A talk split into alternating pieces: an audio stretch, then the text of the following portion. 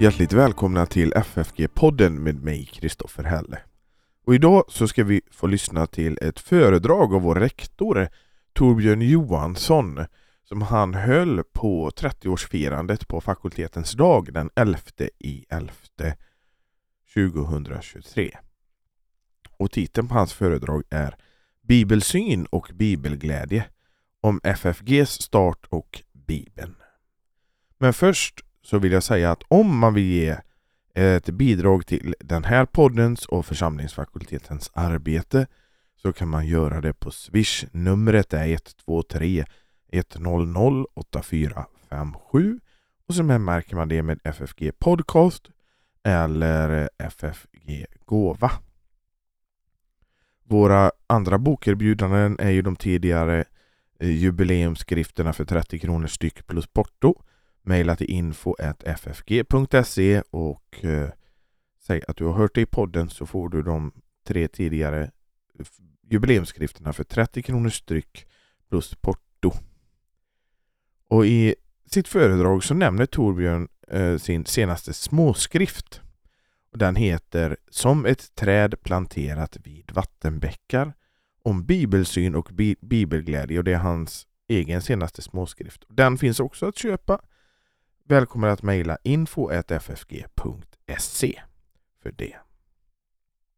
Men nu Torbjörn Johansson, Bibelsyn och bibelglädje om FFG start och Bibeln. God lyssning.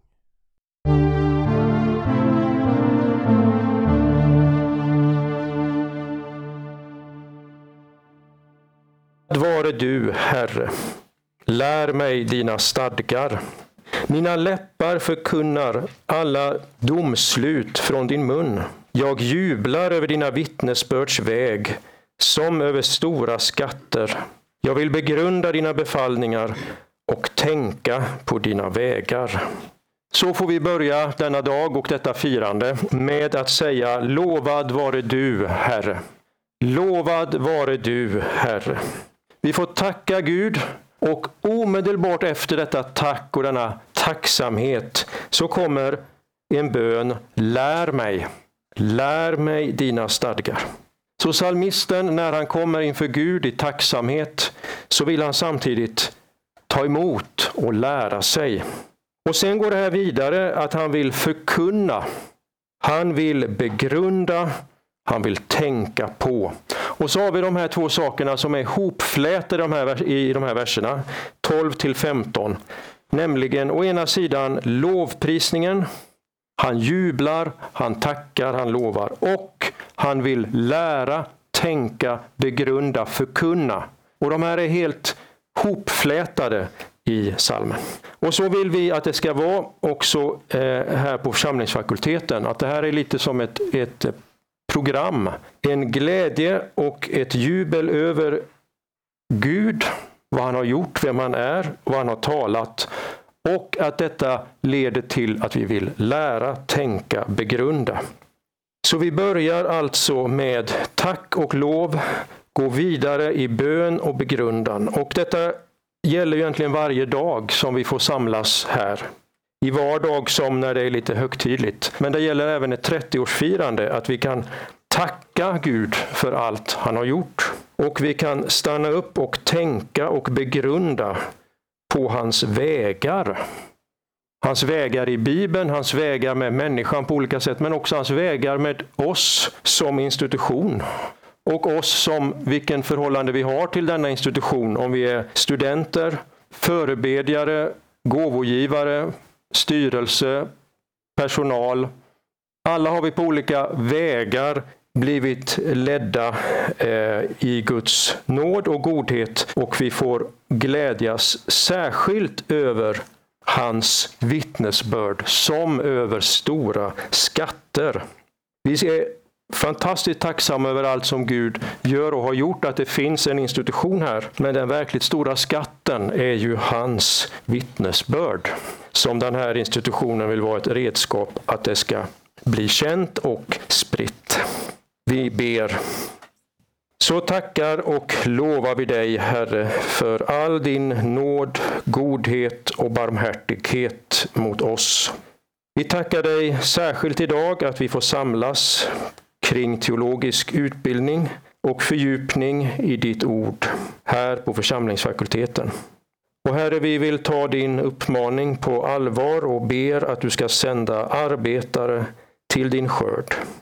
Att du ska väcka denna kallelse att gå ut med ditt ord så att ditt ord får bli förkunnat i vårt land och ut över världen nu och i framtiden. Herre, vi ber att du välsignar församlingsfakulteten i det som är uppgiften här. Hjälp oss att se din väg och gå den.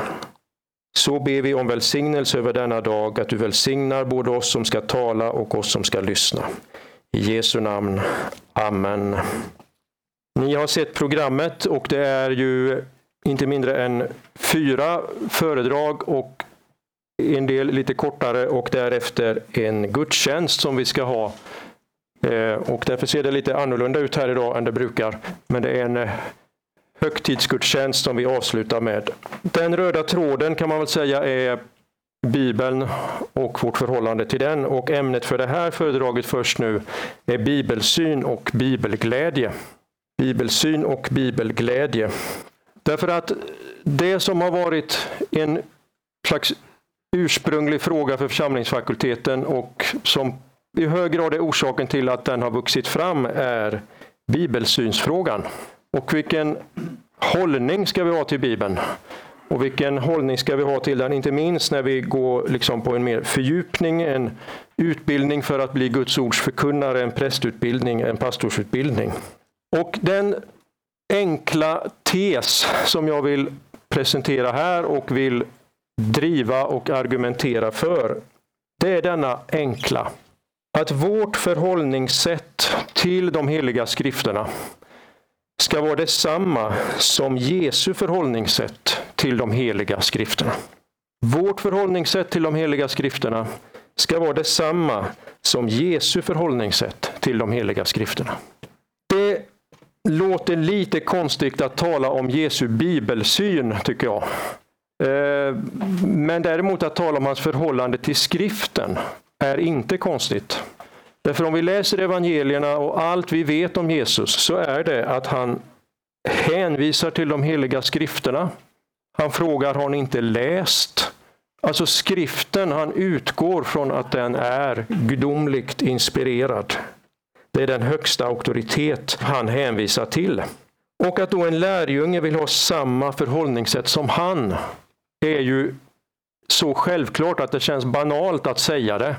Men ändå är det faktiskt ganska sällan som det börjar i den här ändan när vi talar om bibelsyn. Vi ska se i det här föredraget på ställen hur Jesus hänvisar till skriften, hur han använder skriften. Men innan vi kommer till evangelierna så ska vi minnas en annan viktig källa som vi får reda på hur Jesus förhöll sig till skriften.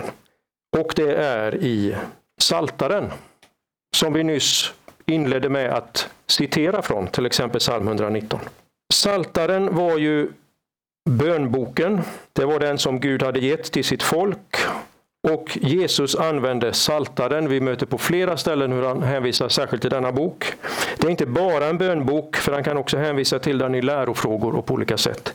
Men om vi tänker på den som en bönbok, att han gjorde dessa ord till sina och djupast sett är det Jesus som talar i Saltaren. Det betyder att när vi läser Saltaren så kommer vi på något sätt in i på rätt våglängd. Vi kommer i en slags frekvens när det gäller vårt förhållande till skriften. Och det är där vi ska börja. Och jag vill bara väldigt kort nämna här i inledningen att i psalm 1 så är det som inledningen till hela saltaren. Och ni vet nog alla att det kontrasteras två vägar.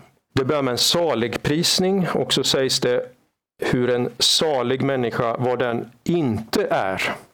Och det räknas upp att inte följa de ogudaktigas råd, inte gå med syndare och inte sitta där bespottare sitter.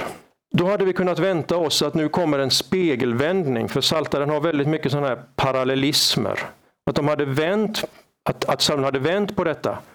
Men det gör den inte, utan det kommer bara en enda sak när det positiva ska nämnas. Salig är den som har sin glädje i Herrens undervisning och begrundar hans ord dag och natt. Så i detta att ha sin glädje i Herrens undervisning, att begrunda den dag och natt, är liksom allt inneslutet som denna saliga väg beskriver.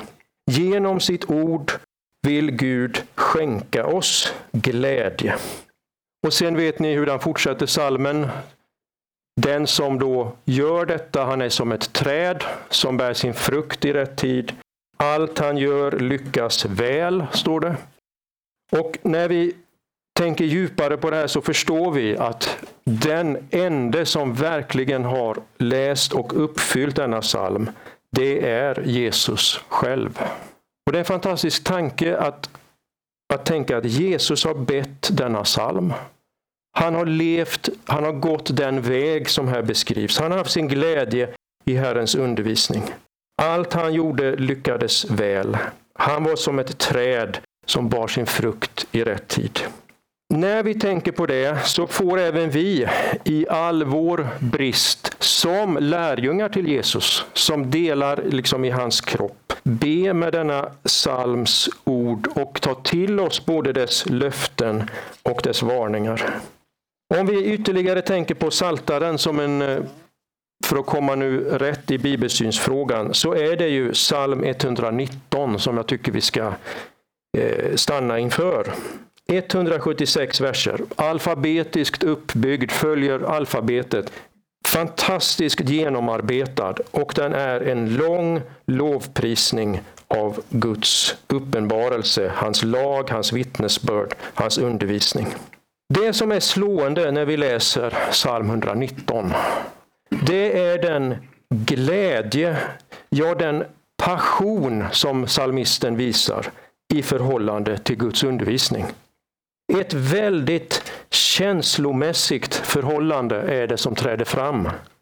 Psalmisten lovar Gud för den, men det står han längtar efter hans undervisning. Hans själ är sönderkrossad när man inte tar vara på den.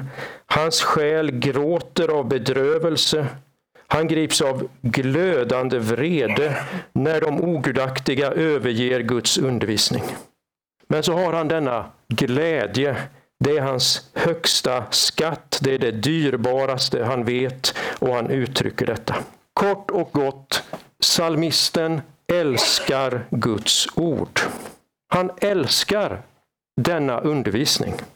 Det första och största budet är ju att älska Herren av hela Eh, sitt hjärta, hela sin själ, av all sin kraft och av allt sitt förstånd.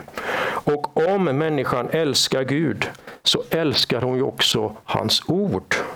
Det är också så självklart att detta är eh, utgångspunkten. Och Jesus säger, Johannes 14.23, om någon älskar mig håller han fast vid mina ord. Och i det här, knutet till detta, finns sedan enorma löften om hur Gud ska komma och ta sin boning hos den människan.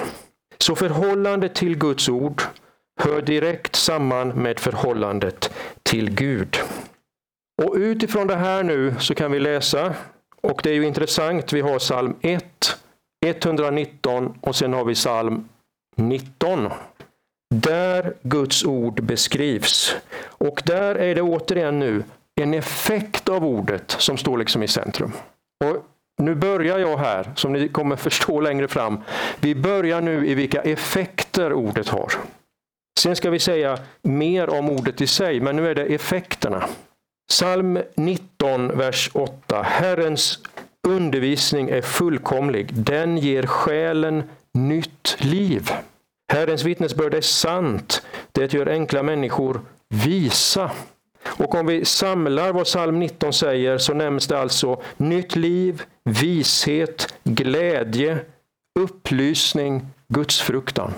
Och om vi förstår att det här är vad jag kan få någonstans, så klart att det som ger mig detta är något fantastiskt dyrbart. Och David gör också det i psalm 19.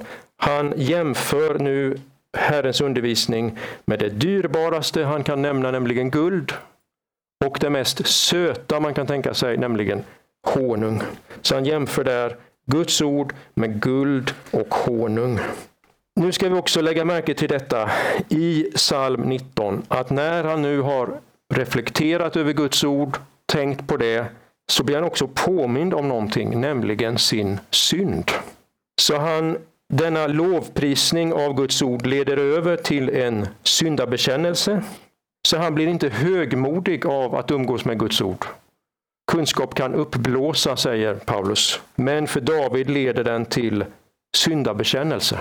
Och så kommer till sist en bön som jag tycker vi ska ta fasta på nu här idag och på detta ämne och egentligen alla dagar när vi läser eh, teologi. Låt min muns tal och mitt hjärtas tankar behaga dig, Herre, min klippa och min återlösare. Detta är en väldigt viktig bön för alla kristna. Särskilt för de som är satta att på något sätt, om det så är söndagsskola eller en församling, ett vittnesbörd, på något sätt undervisar. Låt min bön, min muns tal och mitt hjärtas tankar behaga dig. Min klippa och min återlösare. Ett personligt förhållande kommer nu fram här. Och psalm 19 som börjar, som många av er vet, med att himlarna förtäljer Guds ära. Fästet förkunnar hans händers verk. Det största och mäktigaste vi kan tänka. Så börjar salmen och sen slutar den. Min klippa, min återlösare. Vi får tilltala himmelens och jordens skapare med ett personligt min klippa. Dig, ett jag-du-förhållande. Och här kommer nu också våra tankar och reflektioner kring hans tal fram. Hur dyrbart det är.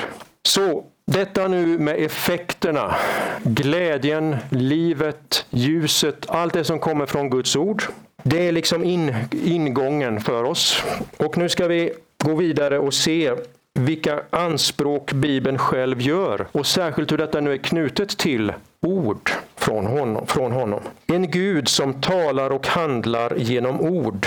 Vi som lever i ett land som har varit kristet en lång tid kan tycka det vara självklart att Gud talar. Om han nu finns så talar han väl. Men det visar sig att det Bibeln säger om Guds tal är något väldigt ovanligt om vi jämför med kringliggande kulturer och det gäller både Gamla testamentets tid och Nya testamentets tid. Det saknar egentligen motstycke, den roll som ord spelar, den roll som ord spelar i Israel. Gud skapar ju världen genom ord. Det har vi ingen motsvarighet till i kringliggande kulturers eh, berättelser. Utan skapelsen går till på andra sätt. Vi ska inte gå in på det nu, men det är inte genom ord. Detta är något karaktäristiskt just för Bibeln. Att Gud talar, han sade och det blev till. Och det går ju som en refräng. Men sedan upprättar han relationen genom ord. Han talar till Adam och Eva. Han, liksom hela deras gudsförhållande bestäms av ord. Och inte nog med det, utan han ger också människorna uppdraget. Adam får uppgiften att namnge djuren. Och Det här tror jag det ligger väldigt mycket i, som vi heller inte ska fördjupa här. Men Gud låter människan här vara med i en process där vi får ett språk och kan förhålla oss till verkligheten genom språk. Och den här frågan hur vårt förnuft och vårt tänkande hänger ihop med språket vi har är ett så förunderligt mysterium. Kan vi tänka utan ord? Hur tänker spädbarn? Har de något språk? Alltså det leder vidare till mysterier kan vi säga. Men här kan vi bara lägga märke till Gud skapar genom ord. Han upprättar förhållandet med människan genom ord och han låter människan förhålla sig till verkligheten genom ord. Och så går vi vidare till Nya testamentet och vi läser där att Guds son kallas för Ordet. Logos. I begynnelsen var Ordet och Ordet var hos Gud och Ordet var Gud. Allt har blivit skapat genom honom och honom förutan har inget blivit till. Och Ordet blev kött och tog sin boning ibland oss. Att Guds son kallas Ordet och att Gud skapar genom ord och att allt blev skapat i honom och genom honom. Det, det här, vad ska vi kalla det, det kosmiska ordet, det som är det här stora, det som bär hela universum. Men sen lägger vi märke till att när han blir människa så talar han, predikar, undervisar på språk som människor kan förstå. Och han säger i Lukas kapitel 21, himmel och jord ska förgås, men mina ord skall aldrig förgås. Dessa ord har kraft att gå genom sekler och genom kulturer utan att tappa sin innebörd, sin glans, sin kraft. De sugs liksom inte in i kulturernas och tidernas ständiga växlingar. För då hade detta ord varit meningslöst. Himmel och jord ska förgås, men mina ord ska aldrig förgås. Om de hade varit bara som en kameleont som blev den till den kultur de liksom hamnade i. Nej, tvärtom så går de genom sekler och kulturer till tidens slut. Han säger om dessa ord att det är ande och liv, Johannes 6.63, och därför också livgivande för dem som tar emot dessa ord i tro. Så de ord som Jesus talar och det ord som är detta bärande ord som bär upp hela universum och kosmos. Det är inte någonting som bara finns i gamla testamentet och sen liksom, utan vi har det, och jag vill bara nämna Hebreerbrevet kapitel 1. Sedan Gud i forna tider många gånger och på många sätt hade talat till fäderna genom profeterna har han nu i den sista tiden talat till oss genom sin son. Där har vi det som rör inte bara de som läste upp det här först, Hebreerbrevets mottagare, utan den kristna församlingen. Han har talat till oss genom sin son, men sonen utstrålar Guds härlighet, uppenbarar hans väsen och uppehåller allt med sitt mäktiga ord. Så i samma verser här så är det liksom detta att han talar till oss som genom predikan och förkunnelse men han är också den som genom sitt ord bär allt, uppehåller och bär allt genom sitt mäktiga ord. Hebreerbrevet 1, 1-3. Så vi förstår att i den här synen på ord, det hör samman med hur vi förstår Gud och hur han handlar i världen. Hur vi förstår hans son Jesus Kristus. Och detta gäller nu både skapelsen och frälsningen. Hela Guds verk är frambringat genom ord. Han skapar världen genom ord och han talar fram en ny värld, en andlig realitet genom ord. Han skapar oss och föder oss in i denna värld, men han talar också fram ett andligt liv. Han sade och det blev till. Paulus säger i Romarbrevet 10 att tron kommer av predikan. Vi kan ju filosofera mycket och tänka mycket och fundera, hur uppstår tro hos någon? Och det är ett mysterium, liksom allt liv. Men här säger Paulus att tron kommer av det hörda ordagrant, predikan och predikan i kraft av Kristi ord. Skapelse och nyskapelse. Skapelsens rike, Guds rike, genom samma ord. Guds ord har kraft att åstadkomma det det talar om. Därför att det är ett verksamt, kraftfyllt ord. Och det är det jag tänkte stanna inför nästa. Att denna förståelse av Gud som sett i ett religionshistoriskt perspektiv är unik för den kristna bibliska tron betyder att man nu har tillskrivit då skriften, Guds ord, denna enorma betydelse. Ett nådemedel som vi kallar det. Och jag tänkte bara nämna här hur Paulus ibland, där vi hade förväntat oss att han skulle säga Gud som subjekten som gör någonting, så säger han istället skriften. Galaterbrevet 3.8. Och då skriften förutsåg. Eller Galaterbrevet 3.22. Men nu har skriften inneslutit allt under synd. Så liksom identifierar han Gud med hans ord. Och inte bara med ordet i någon kosmisk dimension, utan skriften. Genom detta skriftens ord är Guds ande verksam. Och det betyder att när vi läser skriften så är det samtidigt skriften som läser oss. Det här gäller på ett sätt alla liksom litteraturteorier. Att, att det vi läser ställer oss i en ny, vi förstår oss själva liksom i en, på ett nytt sätt. Om vi läser en, en fantastisk roman så är det inte bara att vi tycker att den här var, var fantastisk och så är den där. Utan den gör att även jag ser både mig själv och kanske hela världen på ett annat sätt efter jag har läst den. Men här är det på ett... Bibeln fungerar så också. Men det är något ännu mera djupare andligt i detta som vi liksom inte kommer åt. Nämligen när Guds ord kan läsa oss, avslöja oss, anklaga oss, trösta oss. Så förvisso är det vi som läser och lyssnar och försöker förstå. Men på ett annat plan så blir vi liksom avlästa. Vi blir inte bara Eh, det är inte vi som djupast sett är subjektet, utan det är Gud och hans ord som jobbar på oss. Och på så sätt både dömer, upprättar, skänker liv. Den är ett nådemedel. Men detta, jag vill bara peka på det här också eftersom vi nu är på en akademisk institution och, och risken är att akademiska blir sig självt nog. Men i själva vårt namn och hela identitet, församlingsfakultet, så är ju församlingsfakulteten till för församlingarnas skull. Studierna här av Guds ord är ju till för att ordet i församlingarna ska bli predikat. Och därför vill jag bara peka på vilken betydelse Paulus, som har dessa fantastiska beskrivningar av vad Guds ord är i sig, också det mynnar ut i att detta ord ska predikas. Låt oss se på Kolosserbrevet den här gången.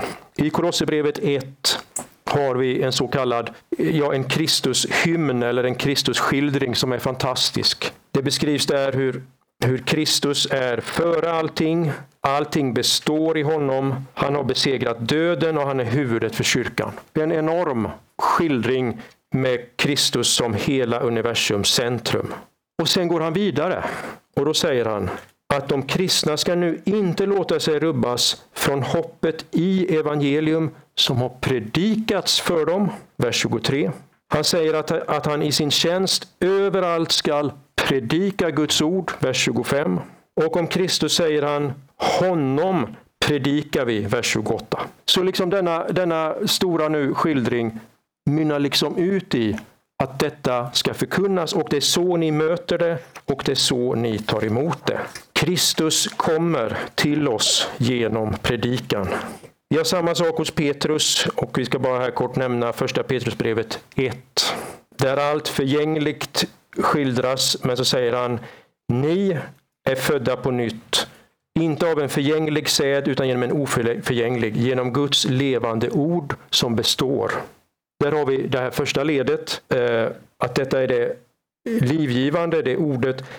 Men sen ska vi också lägga märke till att det här avsnittet slutar med det är detta ord som har förkunnats för er. Återigen en hopkoppling av Guds ord som det stora eviga ordet med det ord som faktiskt blir predikat och gripbart i mänskligt språk. Och allt detta är ju att det kommer till oss utifrån. Det kommer som ett yttre ord. Det kommer till oss inte från något vi själva tänker ut, utan det kommer utifrån, som reformatorerna sa, som ett verbum externum, ett yttre ord. Vi ska ta fram en sak till på det här temat innan vi går vidare och det är återigen från psalm 119. Där har vi ett liknande fenomen som vi hade i Galaterbrevet, nämligen att Gud och skriften i princip blir liksom identifierade. Och en del kommentarer kritiserar nu psalm 119 för att den skulle göra skriften som till en avgud och att skriften liksom tillskrevs sånt som bara Gud kan tillskrivas. Men då missar man de här dimensionerna som jag har nämnt. Men om vi ser till exempel på vers 172 så säger salmisten att jag prisar ditt ord. Jag prisar ditt ord.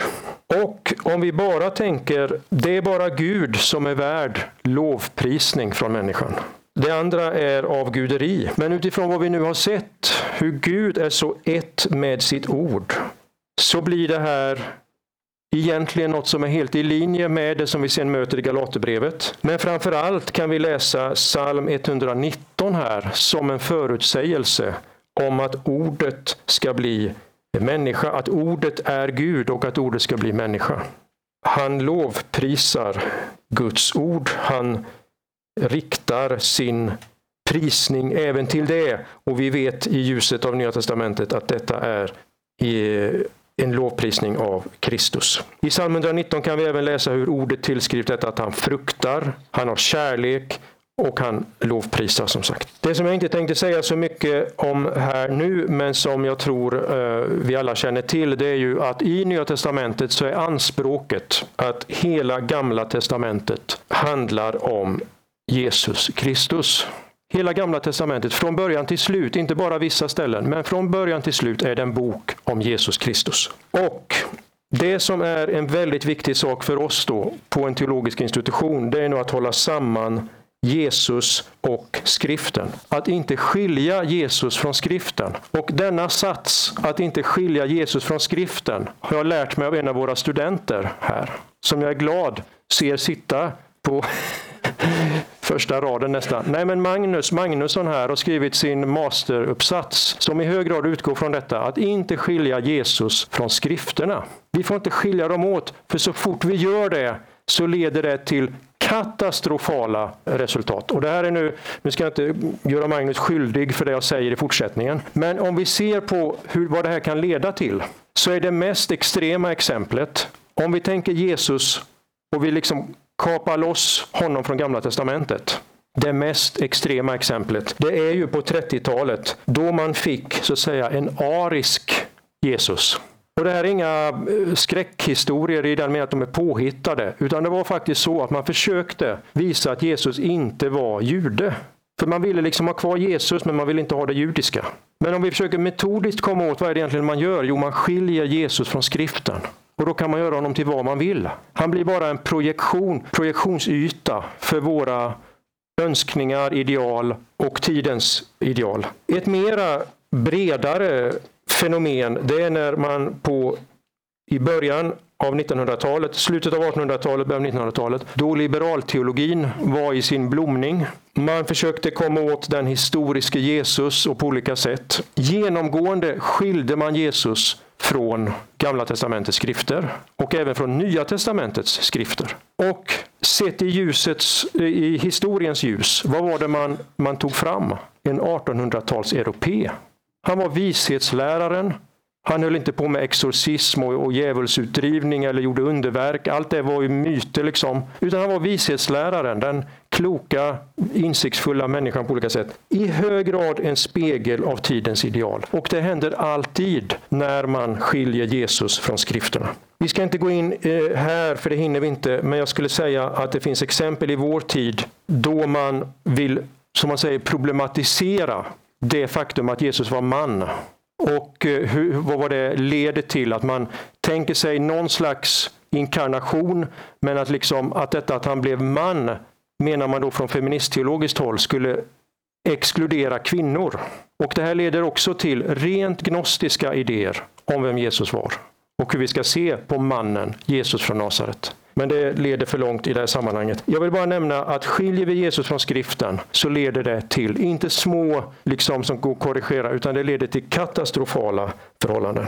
Så att den Jesus vi har, det är han som vi har i skriften.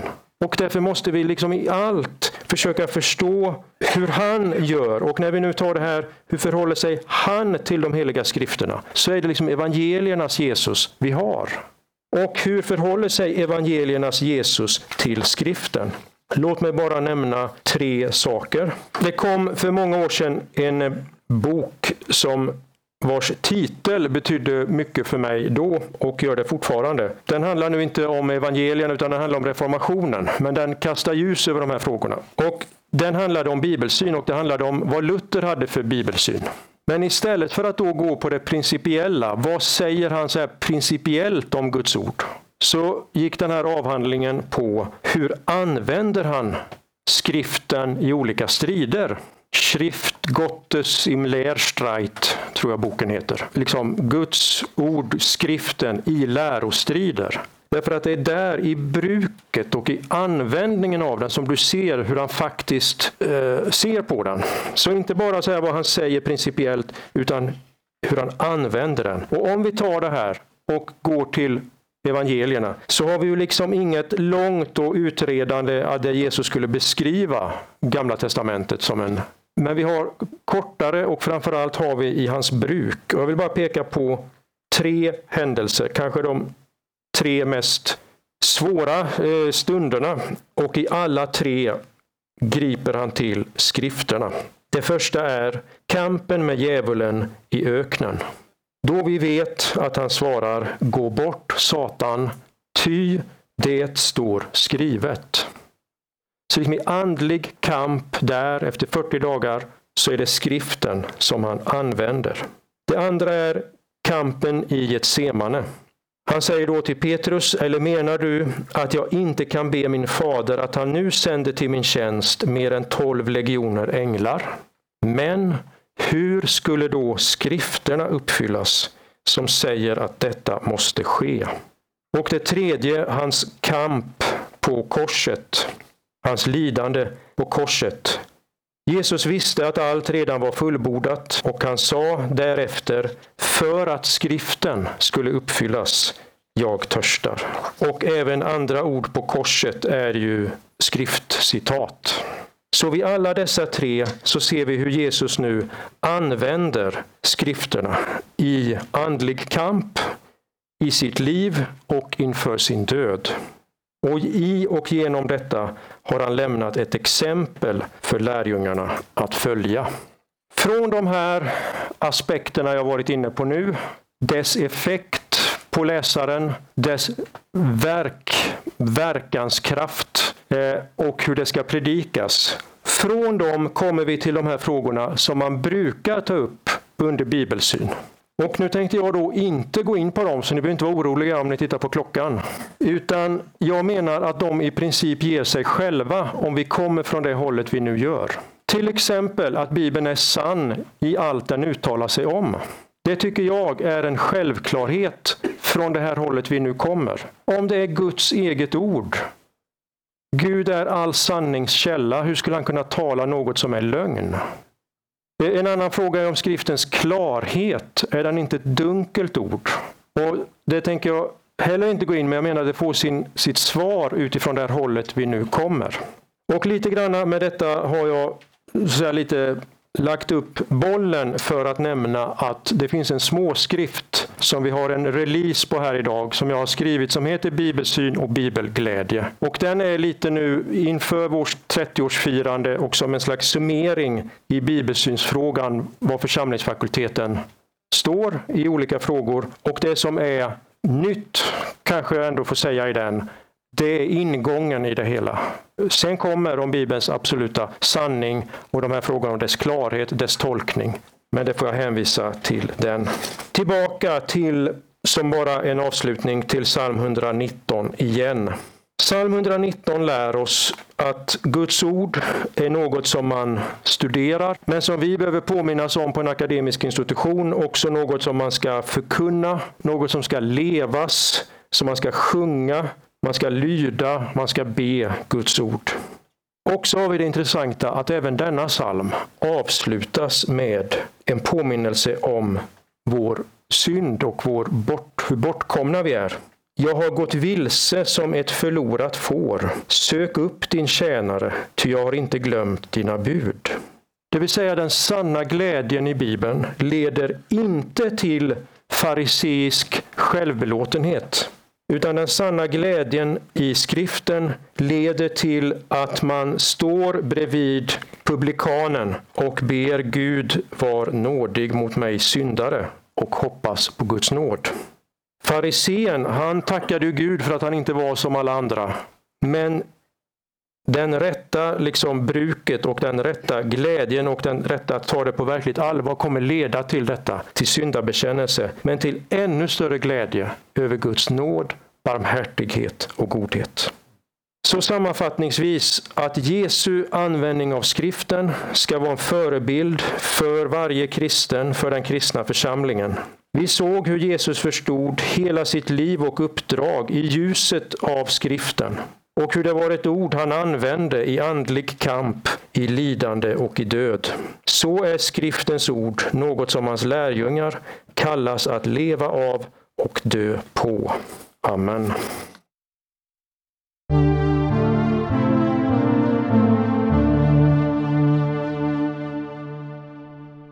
Ja, det var vår rektor Torbjörn Johansson som höll ett föredrag på fakultetens dag 11 i 11. Och det hade rubriken Bibelsyn och bibelglädje om FFGs start och Bibeln. Och den eh, småskrift som han nämner i sitt föredrag det är hans senaste småskrift som heter Som ett träd planterat vid vattenbäckar om bibelsyn och bibelglädje. Och den kan man köpa mejla info ffg.se eller kom och köp den på plats. Och är det så att man vill ge ett bidrag till församlingsfakulteten så den här poddens arbete, gör gärna det på Swish. Numret är 123 100 8457 och det finns också i avsnittsbeskrivningen av avsnittet och på vår hemsida ffg.se. Vi hörs igen nästa vecka. Hej då!